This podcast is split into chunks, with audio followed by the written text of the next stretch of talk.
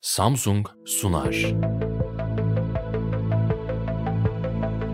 Yeni Medya 451 Kitapların yakıldığı distopyalardan, her şeyin kendiliğinden kaybolduğu yeni dünyaya. Hazırlayanlar Can Öz ve Ümit Alan.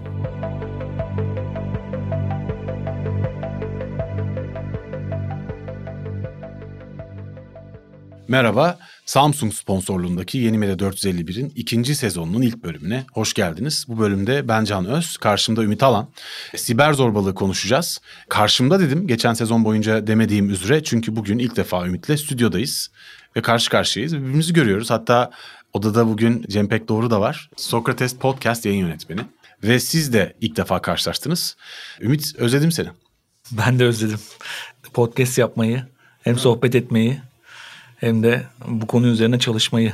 Çalışmayı özlediğini açıkçası gönderdiğin dokümandan gördüm. Yani siber zorbalıkla ilgili ben de epey bir çalışma yaptım ama yaptığım çalışmaların tamamında varabildiğim kaynaklardan daha fazlası senin bana gönderdiğin kaynak yine her zamanki gibi.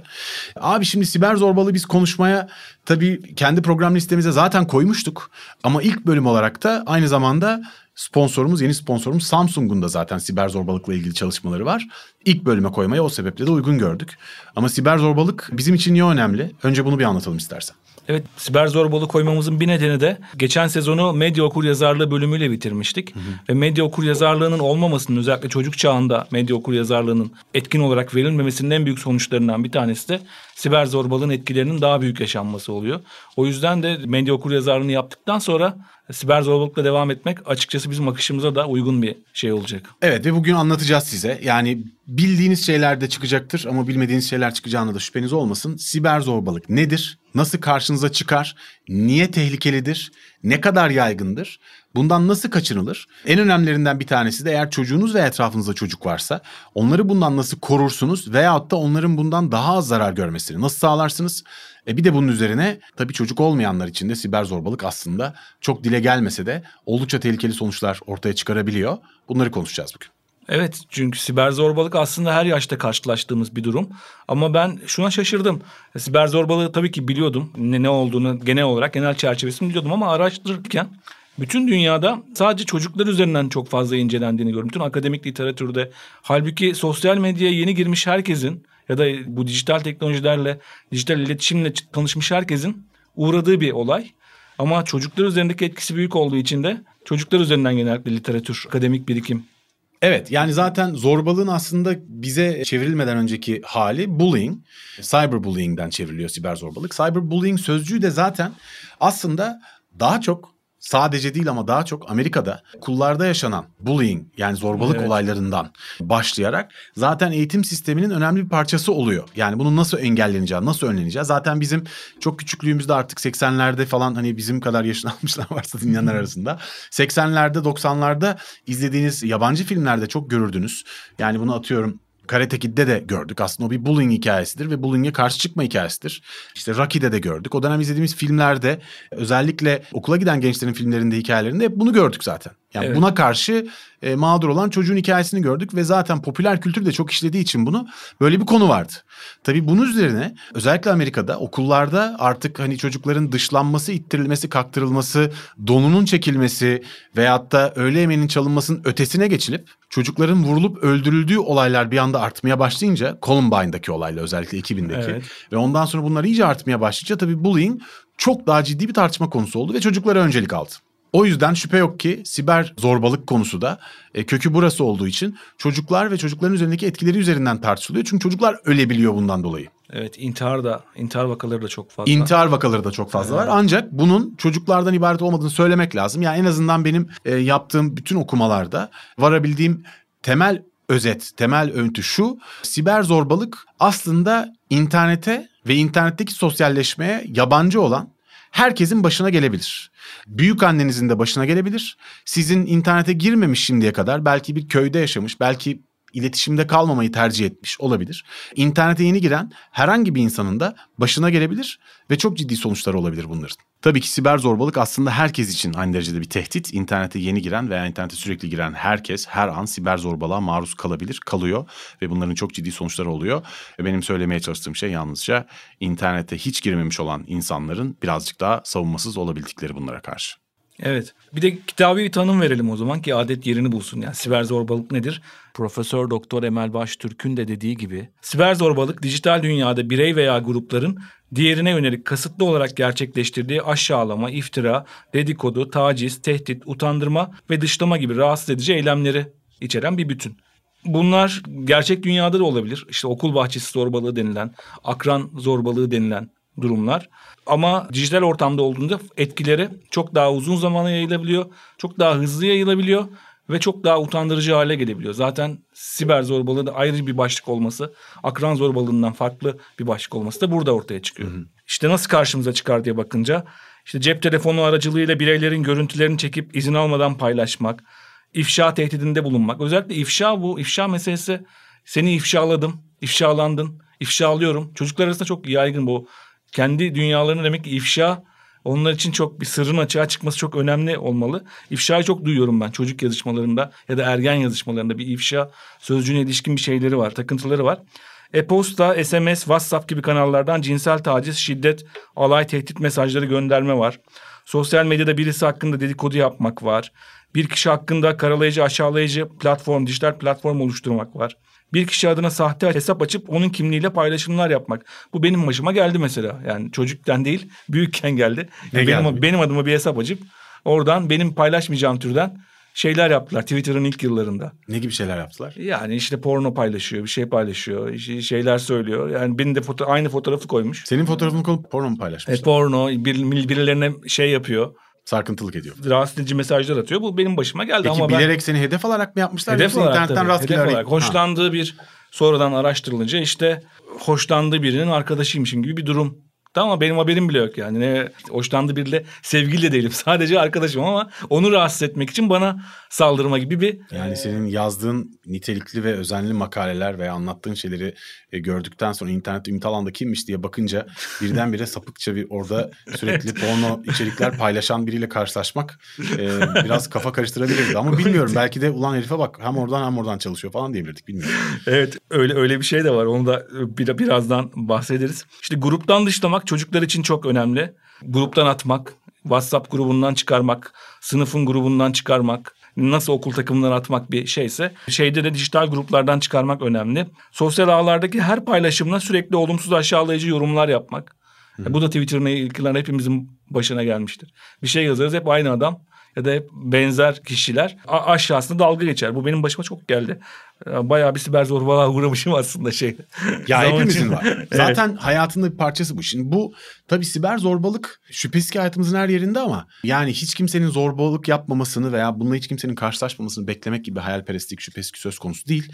Ancak buna karşı biraz daha hazır olunabilir. Yani bu insanların aşağılanmaması, dışlanmaması vesaire bunlar bizim üzerimize vazife alıp çözüm üretebileceğimiz konular zaten değil. Yani Hı-hı. biz biz ikimizden bahsediyorum ama. Evet.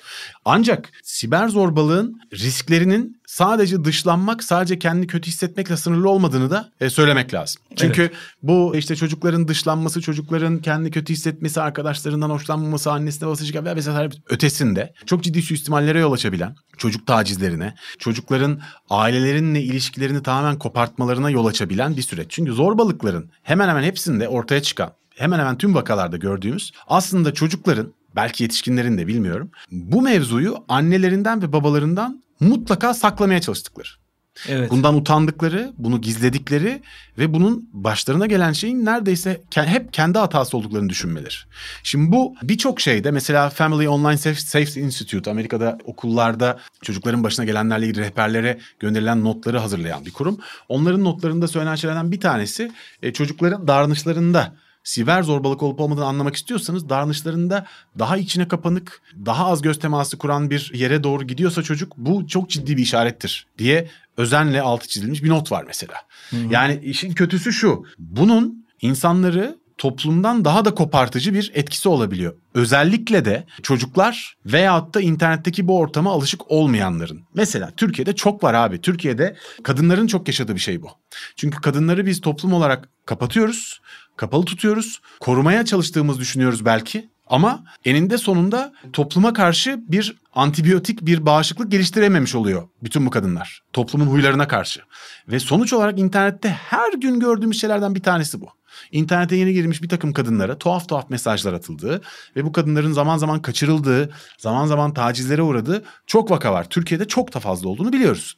Dolayısıyla siber zorbalık böyle bir entelektüel sohbetin veya bir pedagoji sürecinin tatlı bir parçası değil. Hepimizin farkında olması gereken, işaret etmemiz gereken, karşı olmamız gereken, mücadele etmemiz gereken çok tehlikeli bir toplumsal hastalık boyutuna geldi artık. Evet özellikle çocuklar arasında olan da iki kişi arasında gerçekleşiyor.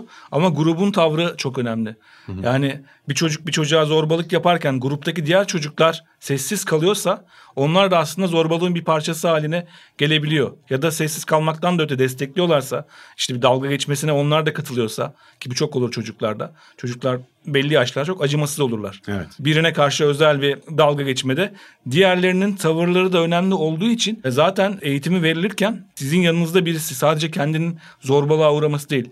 Yanınızda grubunuzda birisi zorbalığa uğruyorsa nasıl davranmanız gerektiği de öğretilmesi gerekiyor. Yani WhatsApp grubunda iki kişi kavga ediyor diyelim. Diğerleri gaza mı getiriyor? İşte iki tarafa kızıştırıyor mu birbirlerine trollük yaparak? Yoksa yapmayın arkadaşlar. Bu şekilde tartışmayın ya da sen arkadaşıma böyle şey söyleme diyebilecek olgunluğa ulaştırmak gerekiyor çocukları. Bir de şu var disinhibisyon olgusu diye bir olgu var. Nedir abi o? Bu siber zorbalıkla alakalı olgulardan. E, normalde çocuk çok sakin ya da çok e, efendi bir çocuk gibi görünüyor dışarıdan normal iletişiminde. Ama internete girdiğinde bir anda kimliğini gizleyebiliyor ya orada. Kimliğini gizleyebildiği için çok farklı davranışlar yapmaya başlıyor. Yani hiç tahmin etmeyeceğim bir şekilde şey yapmaya başlıyor. Rahatsız edici hareketler, oradaki o kimliğini gizlemenin verdiği şeyle o disinhibisyon olgusunu fark etmek ve o çocuk öyle yapmaz diye düşünmemek de gerekiyor. Yani bazı çocuklar normal iletişimlerinde çok örnek gibi gösterilen çocuklar internete girip kimliklerini gizlediğinde hı hı. bir anda zorbaya dönüşebiliyor. Buna da dikkat etmek gerekiyor. Bununla ilgili sosyal psikoloji şeyleri de var. Peki bu akran zorbalığı dediğimiz siber zorbalıktan önceki zorbalık, bu okul bahçesi zorbalığı dediğimiz zorbalıkla siber zorbalık arasındaki ne fark var diye düşünürsek ikisi aslında ikisinin de o kökünde aynı şey var. Zorbalığın şeysi ama burada zorbanın kimliğini bilmemenin yarattığı zorluklar, yayılma hızı ve arkasında bıraktığı izler. Yani bir çocuk hakkında zorbalık yaparken onunla ilgili bazı bilgileri ifşa ettiyse o dijital izler eğer hukuki bir müdahale yapmazsanız sonsuza kadar kalabilir. Sonsuza yani bir çocuğun kötü bir fotoğrafını paylaşırsanız ve Google'da o çocuğun hayatı boyunca karşısına çıkacak bir şey haline gelebilir. Bu, bu yüzden çok tehlikeli ve çocuğu da hayattan kopartabilir. Bu izlere karşı da dikkatli olmak lazım. Çocuk onu çünkü bütün hayatı boyunca taşıyacağı bir şey haline gelebilir. Abi böyle çok örnek var. Maalesef Türkiye'de bu tür konular e, siber zorbalıkla ilişkisi yeterince iyi kaynaklandırılmış ve kayda düşülmüş konular olmadığı için çok daha mahremde tutulduğu için yeterli açık vakaya ulaşmakta zorlandığımı söylemeliyim. Sen tabii okuduğun kitaplarda evet. daha fazla ayrıntıya ulaştığını biliyorum. Amerika'dan bir örnek buldum bununla ilgili. Gencecik bir kız mesela yaşanan olaylardan bir tanesi. Bu arada çok eski hikaye bu. Yani Hı-hı. bu siber zorbalık konusunun dünyada gerçekten bu kadar büyük olmasından önce 2006-2007'lerde geçiyor. Genç bir kız 16 yaşında bir kız internette bir MySpace hesabı açıyor.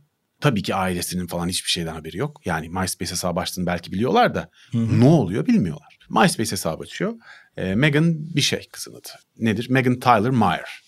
Kız açıyor bu hesabı ve bir çocukla arkadaş oluyor.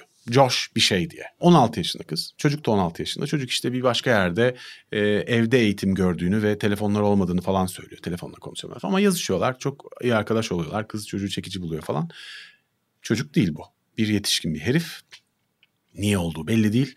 Kızla çok yakın bir ilişki kurduktan sonra bir süre sonra kızı küçümser mesajlar atmaya başlıyor senin arkadaşlarının aranın iyi olmadığını öğrendim. Seni artık e, arkadaş olarak kabul etmiyorumdan başlayarak kızı aşağılayan, eleştiren mesajlar atmaya başlıyor seri seri.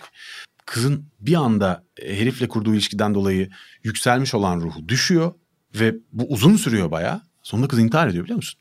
Yani. Zaten Amerika'daki en büyük siber zorbalık derneklerinden bir tanesi Megan Mayer Derneği. Çünkü bu olay üzerine zaten kızın annesi şundan dolayı biraz da kadının annesinin anlattı. E, diyor ki yani ben bunu engelleyebilirdim.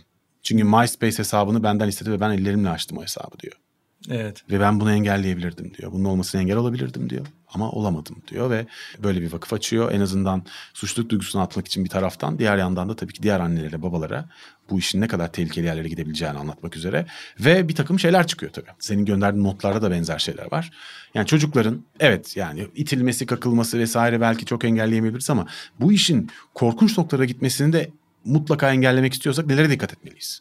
Yani bir defa önce ebeveynlerin bu konuda bilinçli olması lazım senin söylediğin gibi. Çünkü çocukların takıldığı platformlar her zaman bizim büyüklerin takıldığı Facebook, Instagram, Twitter gibi bilinen platformlar olmayabiliyor yetişkinler için. İşte onlar da Snapchat'ten, TikTok'tan, Twitch'ten, Discord'dan bir takım gamerların buluştuğu yerlerden de internete girebiliyorlar ve onları çok iyi bilmesi gerekiyor ebeveynlerin. Özellikle evvelden bir çocuğun arkadaşlarını herkes bilirdi. Ben çocukken ilkokula giderken annem benim arkadaşlarımı aşağı yukarı bilirdi. Apartmandaki komşularım çocuklarıyla ya da okuldaki yakın görüştüğüm. Ama şu anda çocukların hiç tanımadığı, ebeveynlerin hiç tanımadığı internet arkadaşları var. Emel Baştürk'ün yürütücülüğünde TÜBİTAK'ın desteğiyle 7 ilde bir araştırma yapılmış siber zorbalık hakkında. Hmm. Ve öğrencilerin %56.4'ü arkadaşlarıyla internette tanıştıklarını söylüyorlar. Yani normal arkadaşları var okulda tanıştıkları falan ama %56.4'ü okulda hiç tanımadığın bir evren. Yani onu ebeveynin bilmesine ihtimal yok ve onu iyi şey yapması gerekiyor. Bir de çocukların artık en büyük hayalleri evvelden ne derlerdi futbolcu olacağım, sinema sanatçısı olacağım falan gibi. Şu anda fenomen olmak ve YouTuber olmak gibi hayalleri var. Bu da onlara bir takipçi toplama hırsı yüklüyor. Takipçi toplama hırsı yükleyince de yabancı insanlarla yani hiç tanımadıkları insanlarla hatta yetişkinlerle iletişime geçmek zorunda kalıyorlar. Bu da çocuğun hiç tanımadığımız bir evrene girmesini sağlıyor. Aslında ebeveynlerin ne yapmaları gerektiğine devam edeyim. Yine Emel Baştürk'ün araştırma verileriyle desteklediği şeyler bunlar.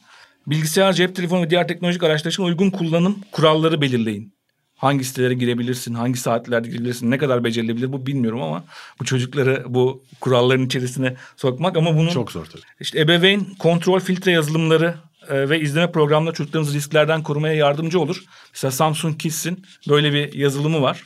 Bu da filtre yazılımı. Yani çocuğun internete girerken ayrı bir şeyden girmesi, ayrı bir internet görmesi. Bizim yetişkinlerin gördüğünden böyle bunun başka muadilleri de var ama Samsung Kids e, cihazın içerisine yüklenen bir filtre.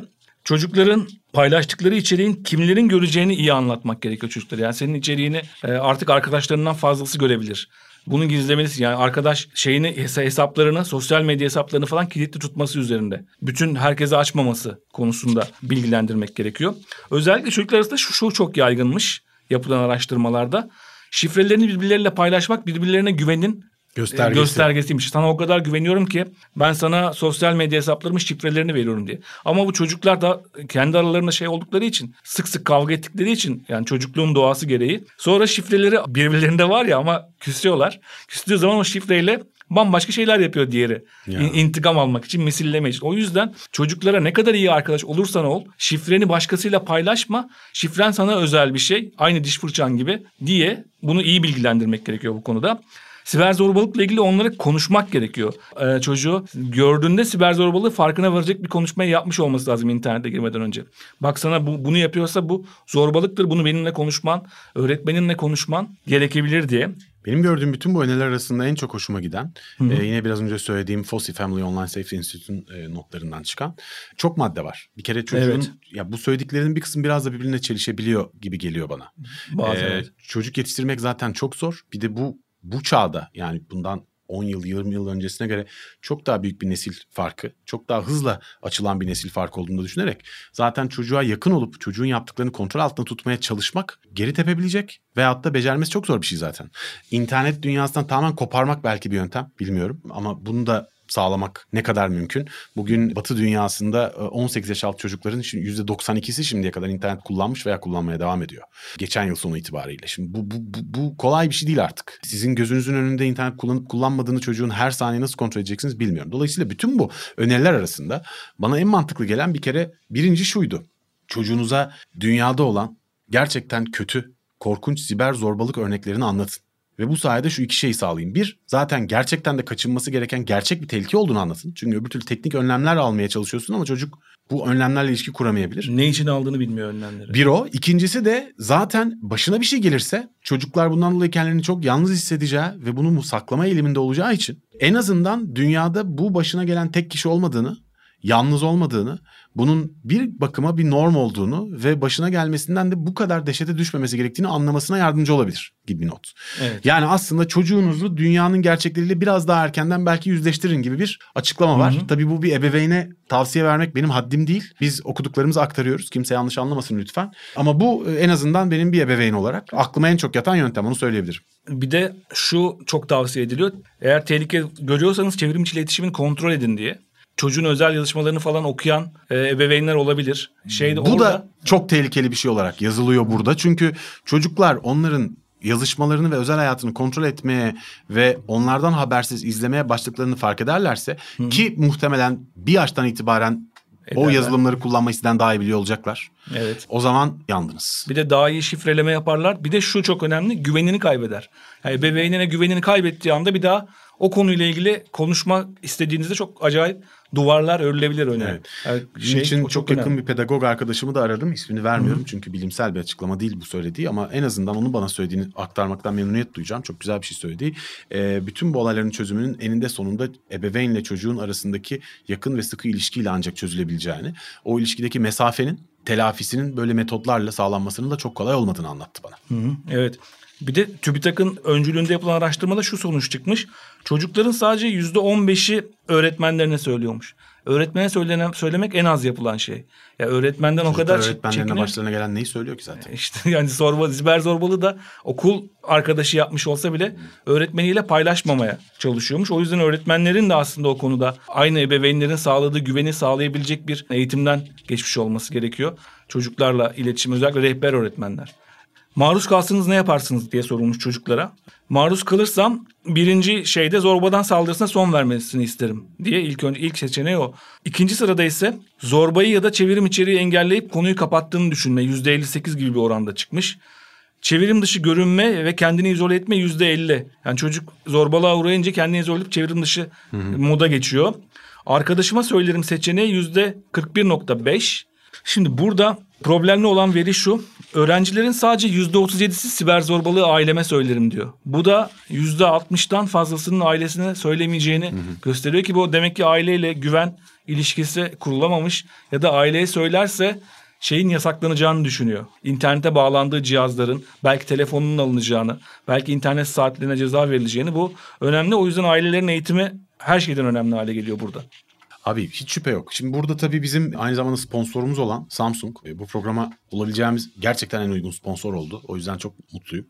Samsung'un Siber Zorba Olma adlı e, BTK ile birlikte yürüttüğü bir e, siber zorbalığa karşı farkındalığı arttırmayı hedefleyen bir kampanyası var. Farkına var hashtag ile paylaşmışlardı ve Türkiye'de 5500 tane öğrenciye sadece bu kampanyayla direkt ulaştılar. Bu yılda 13 Aralık günü Samsung tüm sosyal medya kullanıcılarının sosyal medya hesaplarını karartıp siber zorba olma farkına var hashtagini paylaşarak bu hareketin bir parçası olmaya davet etti.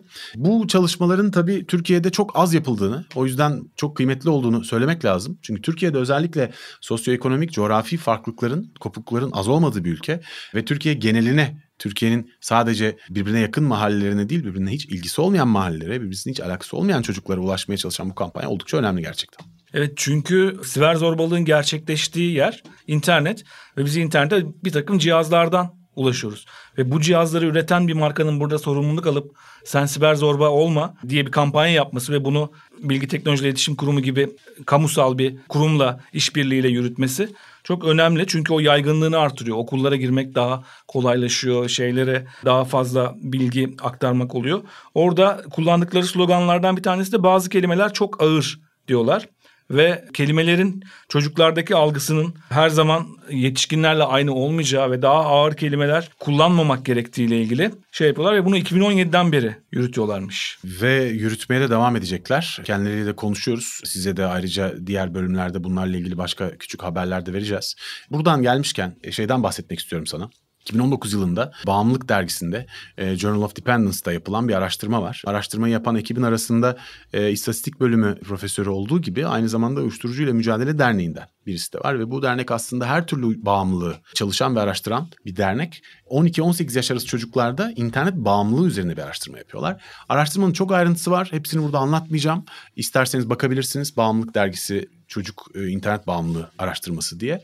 Ancak şey çok ilginç. Araştırmanın sonucuna göre bir kere internet kullanan Türkiye'deki çocukların yaklaşık %30'u ya internet bağımlısı ya da oldu olacak. Üçte bir. İnternet Evet. bağımlısıyla kastettikleri de artık internetle ilişki kurmadıkları anda yoksunluk çeker hale gelmek. Aynı uyuşturucu bağımlılığında olduğu gibi. Araştırmanın ilginç taraflarından bir tanesi de erkeklerde biraz daha yüksek olduğunu görmüşler bunun. Oyun yatkınlığıyla açıklayanlar var bunu.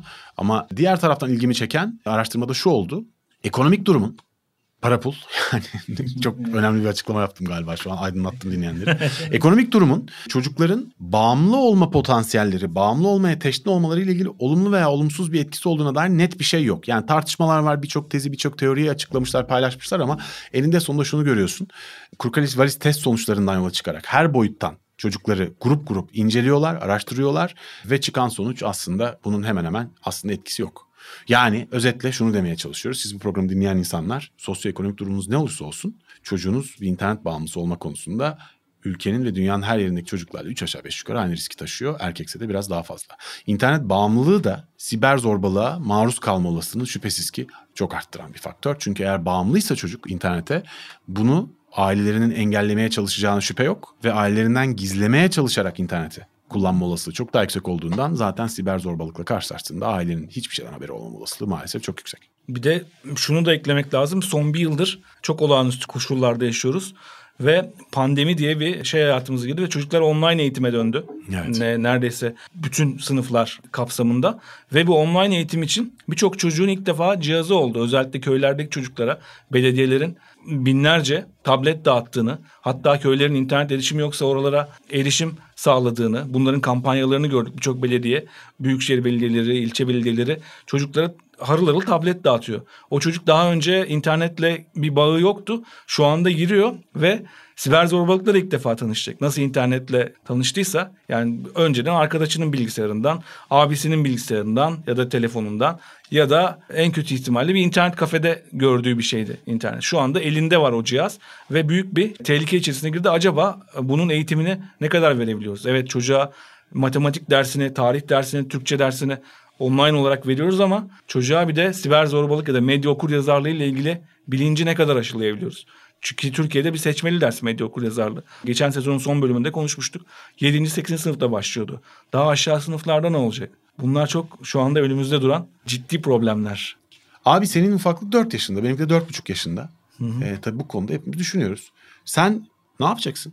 Nasıl bir yol izleyeceksin? Bütün bu tavsiyeler arasında senin seçeceğin yöntem nasıl olacak düşündün mü?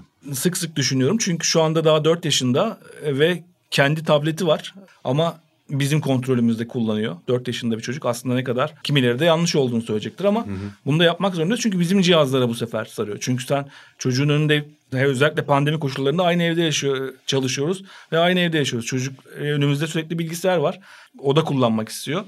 Ve büyük bir bu yaştaki çocuklarda kendim seçeceğim şey var. Mesela Netflix ekranını ben açıyorum o seçenekleri.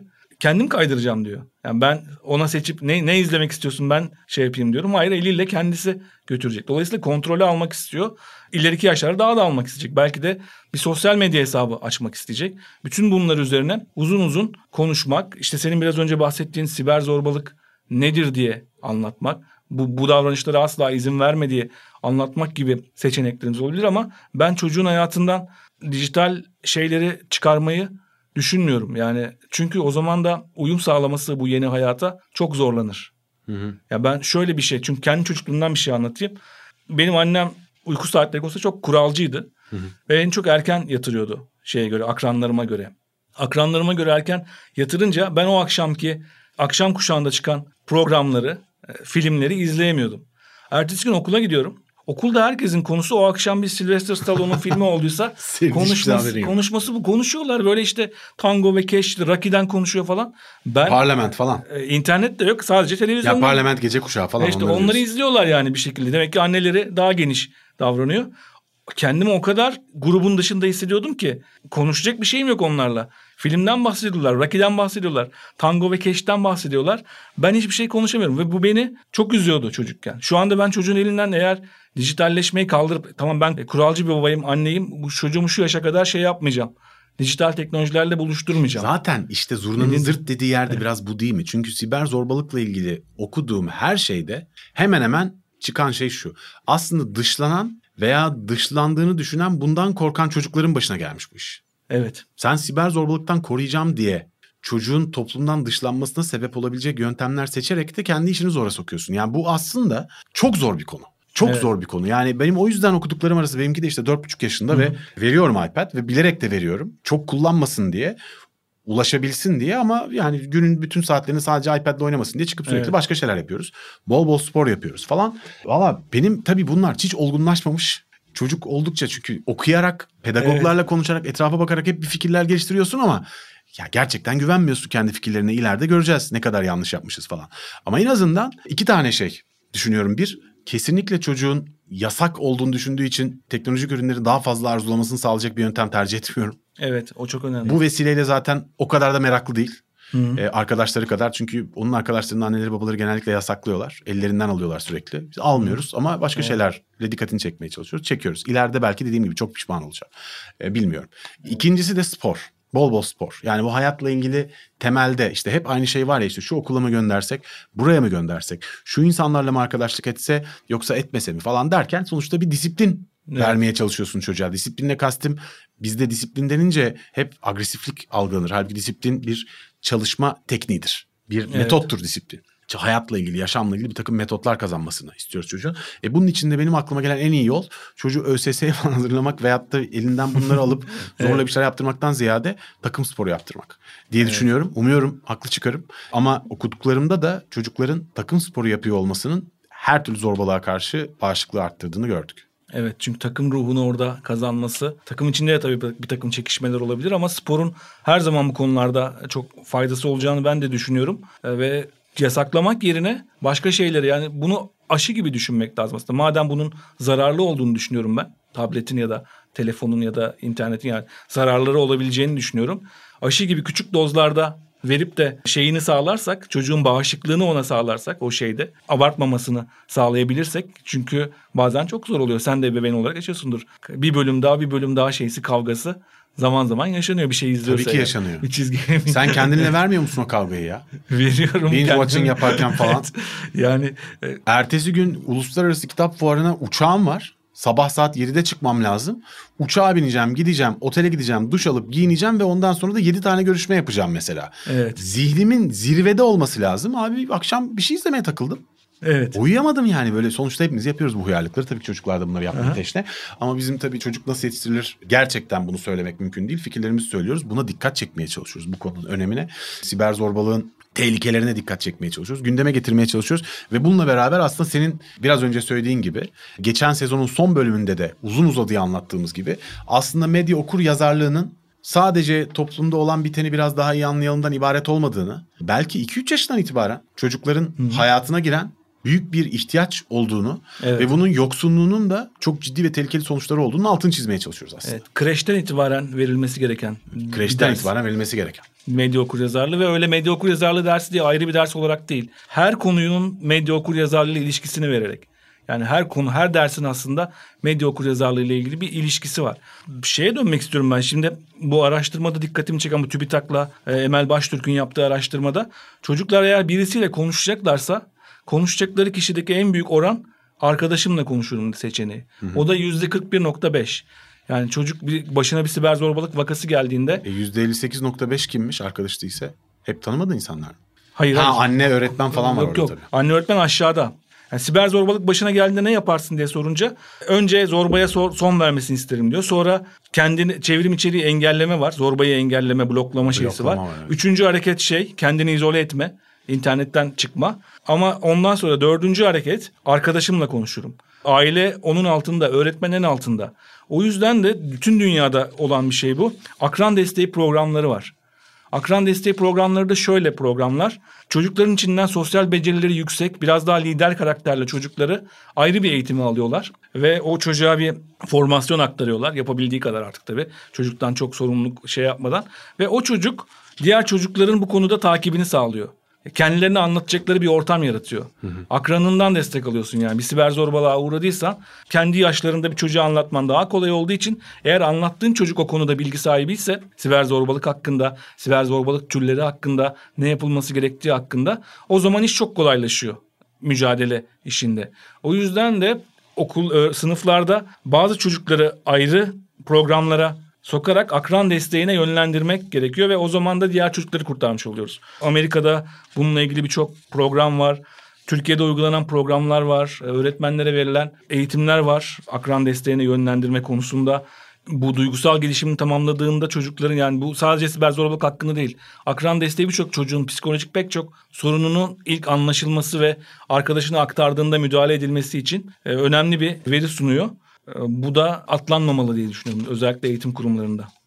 Peki üniversite öğrencilerinin Türkiye'de bu konudaki farkındalığına dair de sen bir araştırma bulmuştun Ümit. Oradaki sonuçlar nasıl? Evet biz hep çocuklar üzerinden konuştuk ama bu üniversite öğrencileri sonuçta çok yaşlı değiller. Onlar da gençler. 20-21 yaşlarına kadar en fazla geliyorlar. Onlar arasında Doğu Anadolu bölgesinde faaliyet gösteren üniversitelerde eğitim gören öğrenciler arasında bir araştırma yapılmış. Oğuzhan ikinci ile Seda Kayapalı Yıldırım yapmış bunu 2019 yılında. Yani çok eski bir araştırma da değil. 2000 öğrenciyle anket yapmışlar. Bunun sonucuna göre e, öğrencilerin %47.50'si siber zorbalık kavramını bilmiyorlarmış. Yani üniversite öğrencilerinde bu oran. Kavramı eğer, duymamışlar. Duymamışlar yani. böyle bir kavramı. E, mobbing, zorbalık diye başka şeyler biliyorlar. Mesela %54.6'sı zorbalık kavramını biliyor ama mobbing diye de bilebiliyor yani. Yani hmm. tam ismini koymadan biliyor. %47.50'si ise hiç bilmiyor. Ama kırılımlarına girince işte siber stoklamayı biliyorlar cinsel saldırıları ayrıca şey ayırabiliyorlar. Yani e, tabii ki biliyorlar. Şeyler ama kavram olarak siber zorbalık konusunda bir fikirleri yok. O da önemli bir veri. Ee, e işte zaten şeyde. hep aynı şey geliyor. Medya okur yazarlığı eğitiminin olmaması. olmaması. Yani sonuçta bundan dolayı insanlar başlarına gelen şeyleri tabii ki etrafında evet. duyup biliyorlar. Ama bunu kavramsal olarak bilmedikleri için tabii buna karşı mücadele etme olanaklarından da yoksun başlıyorlar. Eksi birde başlıyorlar hayata. Bu tabii böyle olmaya da devam edecek gibi görünüyor. Peki böyle bir durumla karşılaştık kendimiz veya bir yakınımız siber zorbalığa uğradık. Kim olduğunu da biliyoruz veya tahmin ediyoruz. Ve ortada önleyemediğimiz bir vaka var, bir durum var. Hı hı. Hukuki olarak Türkiye'de ne kadar seçeneğimiz var abi? E şimdi bilişim hukuku yavaş yavaş gelişiyor. Hem Türkiye'de hem dünyada yavaş geliyor ama gelişiyor. Bu konularda kendimizi çaresiz hissetmememiz lazım. Yani yıllarca dava sürer. Hukuki olarak kanıtlayamam diye. O yüzden mücadelesini en azından örnek olması için hem de bu tip davranışların tekrarlanmaması için yaptırma uğraması lazım. Mücadele vermek gerekiyor. İşte özel hayatın gizliliğini ihlalle dava açılabiliyor. Kişisel verilerin kaydedilmesi, verileri hukuka aykırı olarak verme veya ele geçirme suçları bunların hepsi var. Bilişim sistemine girme suçu, sistemi engelleme, bozma, verileri yok etme ve değiştirme suçu var. Banka ve kredi kartlarının kötüye kullanılması suçu var. Cinsel taciz suçu var. Yani bu konuyla ilgili pek çok hukuki şey var. Bunları da ihmal etmemek lazım. Uğraşmayayım, Allah'ından bulsun gibi bir şeye girmemek lazım hukuka teslim etmek lazım olduğu Oradan sürece. da bulsun yine iyi olur ama evet yani burada şey söylemek lazım. Burada tabii hukukla nasıl mücadele edeceğini insanlar bilemeyebilir ama bir hukuki danışmanla görüşmeleri halinde bu evet. insanları dava etmek için Türkiye'de birçok seçenek, birçok yol mevcut. Evet. Dolayısıyla yani hukuk bizim yanımızda olmaz. Bilemiyorum tabii hangi dava nasıl evet. işleyecek Türkiye'de tek tek onlara kefil olmak mümkün değil. Ama hukuki yöntemler, yollar az buz seçeneğinizde yok. Tabii bir de şunu şu şerhe koymak lazım. Çocukların yaptığı siber zorbalıklarda da o kadar hemen hukuka gitmek değil. Bunu daha çok okullarda ya da şeylerde yani çocuk sonuçta çocuğun bazı çocukların ceza işleme ehliyetleri yok. Hay tabii yani burada esas problem evet. şu. Çocuğunun evet. başına bir şey geliyor ve sen karşısında onu uygulayan kişinin çocuk olup olmadığını da bilmiyorsun ya genelde. Evet, bazen olmuyor. Bazen Siber çocuk da olmuyor zaten. Karşısında. Bazen ee, çocuk da olmuyor. Evet. Aynen zaten benim demek istediğim o. Evet. Yoksa yani komşunun çocuğu bir şey yapmış işte pencereden evet. bir şey atmış falan. hemen hemen avukata gidiyor. Ondan bahsetmiyoruz ama hakikaten bugün bahsettiğimiz gibi çocuğun hayati tehlikeye girebileceği veya psikolojisini ciddi bozabilecek çok ciddi olaylar var. Evet. Böyle durumlarda bir avukatla görüşebilirsiniz. Evet. Öyleyse kaynakçaları verip ikinci tamam. sezonun ilk bölümünü toparlayalım. Bir akademik kaynaklar var. Yani Hı. akademisyenlerin bilimsel literatüre katkı sağlamak için yaptığı kaynaklar. Bir de böyle normal ebeveynlerin okuyup evet ben bu konuda böyle bir yol izleyebileceğim dediği kaynaklar var. Ben normal herkesin okuyup anlayacağı türden bir kaynak seçtim. Bir de birkaç tane akademik kaynak seçtim. Hepsini vereyim. Birinci söyleyeceğim şey bütün ebeveynlerin okumasını tavsiye edeceğim bir çalışma. Hem araştırma sonuçlarını içeriyor hem de ebeveynleri nasıl karşılamaları gerektiğini anlatıyor. Ve bu onların anlayabileceği bir dille yani daha hafif bir dille yazılmış bir kitap bu. Çevrim içi riskler ve siber zorbalık. Siber zorbalıkla mücadele. Profesör Doktor Emel Baştürk'ün çalışması. Emel Baştürk aynı zamanda Kocaeli Üniversitesi'nde bir akademisyen. İletişim Fakültesi'nde ana bilim dalı başkanı. Siber zorbalık hakkında söyleyeceğim ikinci kitap editörlüğünü İbrahim Tanrıkulu'nun yaptığı anı yayıncılıktan çıkmış bir akademik makale derlemesi olan bir kitap. Siber zorbalık. bu konu hakkında biraz daha derin bilgim olsun diyenler için. Ona benzer Doğu Anadolu'daki araştırmadan bahsettim ya üniversite öğrencilerinin bilmediği. Evet. Onun da içinde yer aldığı bir kitap var. Siber Zorbalık. Oğuzhan Ekinci, Seda Kayapalı Yıldırım yazmış. Bir de siber zorbalığı da içermekle birlikte pek çok popüler dijital sorunlara değinen ve bunları güzelce özetleyen bir kitap var. O da yeni medya çağında popüler dijital sorunlar. Editörleri Hakan Aydın ve Fikret Yazıcı. Nobel bilim kitaplarından çıkmış yine bu. Akademik yayıncılık, Nobel Akademik Yayıncılık'tan. Bunlar bu son üç söylediğim kitap biraz olayın bilimsel çerçevesine değiniyor ama ilk söylediğim daha şey. Evet onu söyleyelim. Ya, Zaten evet. programdan önce de söylemiştin. İlk söylediğin kitap okunduğunda en rahat anlaşılan kitap olurken Evet. diğer kitaplar biraz daha akademik makaleler ve metinler. Daha Evet. akademisyen bakışa hitap eden kitaplar diye. Öyleyse Ümit teşekkürler ve Rica tekrar ederim. hoş geldin. Sen de hoş geldin. Ben de hoş geldim. Yeniden ve ilk defa stüdyoda yaptık. Evet ilk defa stüdyoda yaptık ve çok güzelmiş. Yani Evet. sen konuşurken senin yüzüne bakmak ve bir takım mimikler yapmak gibi bir şey varmış podcast çekerken. Evet. ve daha hızlı oluyormuş. Daha hızlı oluyoruz değil mi? o zaman sevgili dinleyiciler e, bizi dinlediğiniz için teşekkür ederiz. Samsung'un sunduğu Yeni Medya 451'in siber zorbalık bölümünün sonuna geldik. İki hafta sonra cumartesi günü diğer bölümde görüşmek üzere. Şimdilik hoşçakalın. Hoşçakalın. Samsung sundu.